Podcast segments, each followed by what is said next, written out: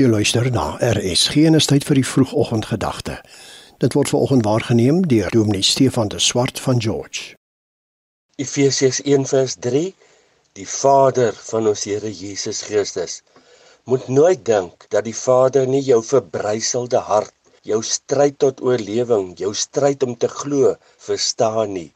Sy hart het ondervinding van die mense hart Dis as gevolg van die feit dat sy seun mens geword het in alle opsigte net soos ons versoek is Hebreërs 4:15 en aan die kruis gelei en gesterwe het.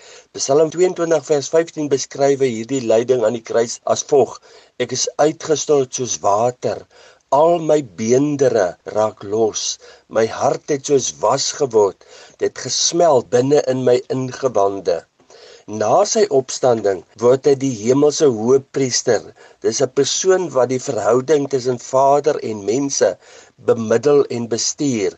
Van 'n aardse hoëpriester sê Hebreërs 5:2, een wat kan saamvoel met die onwetendes en dwalendes. En 4 vers 15 voeg by van die hemelse hoëpriester want ons het nie 'n hoëpriester wat nie met ons swakhede medelee kan hê nie want hy's net soos ons versoek. Hebreërs 3:10 sê dat hy deur lyding ons verlossing tot voltooiing gebring het. Lyding in die Nuwe Testament beteken onder andere die volgende dinge: benoudheid, iets wat swaar op jou gemoed lê, iets wat kwel. Dis hoe Jesus gevoel het op pad na die kruis, Lukas 12:50.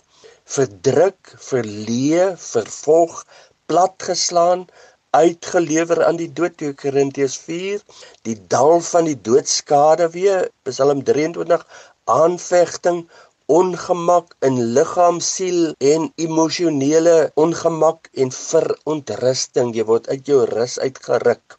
Skep moed. Die Vader is ten volle bewus van wat jy belewe hy gebruik hierdie dinge in jou omvormingsproses onthou môre sal die son weer skyn Vader, tel my op asseblief. Dankie dat U my hart verstaan. Laat U son weer oor my skyn. Amen. Dit was die vroegoggendgedagte hier op RSG, waargeneem deur Dominee Stefan de Swart van George.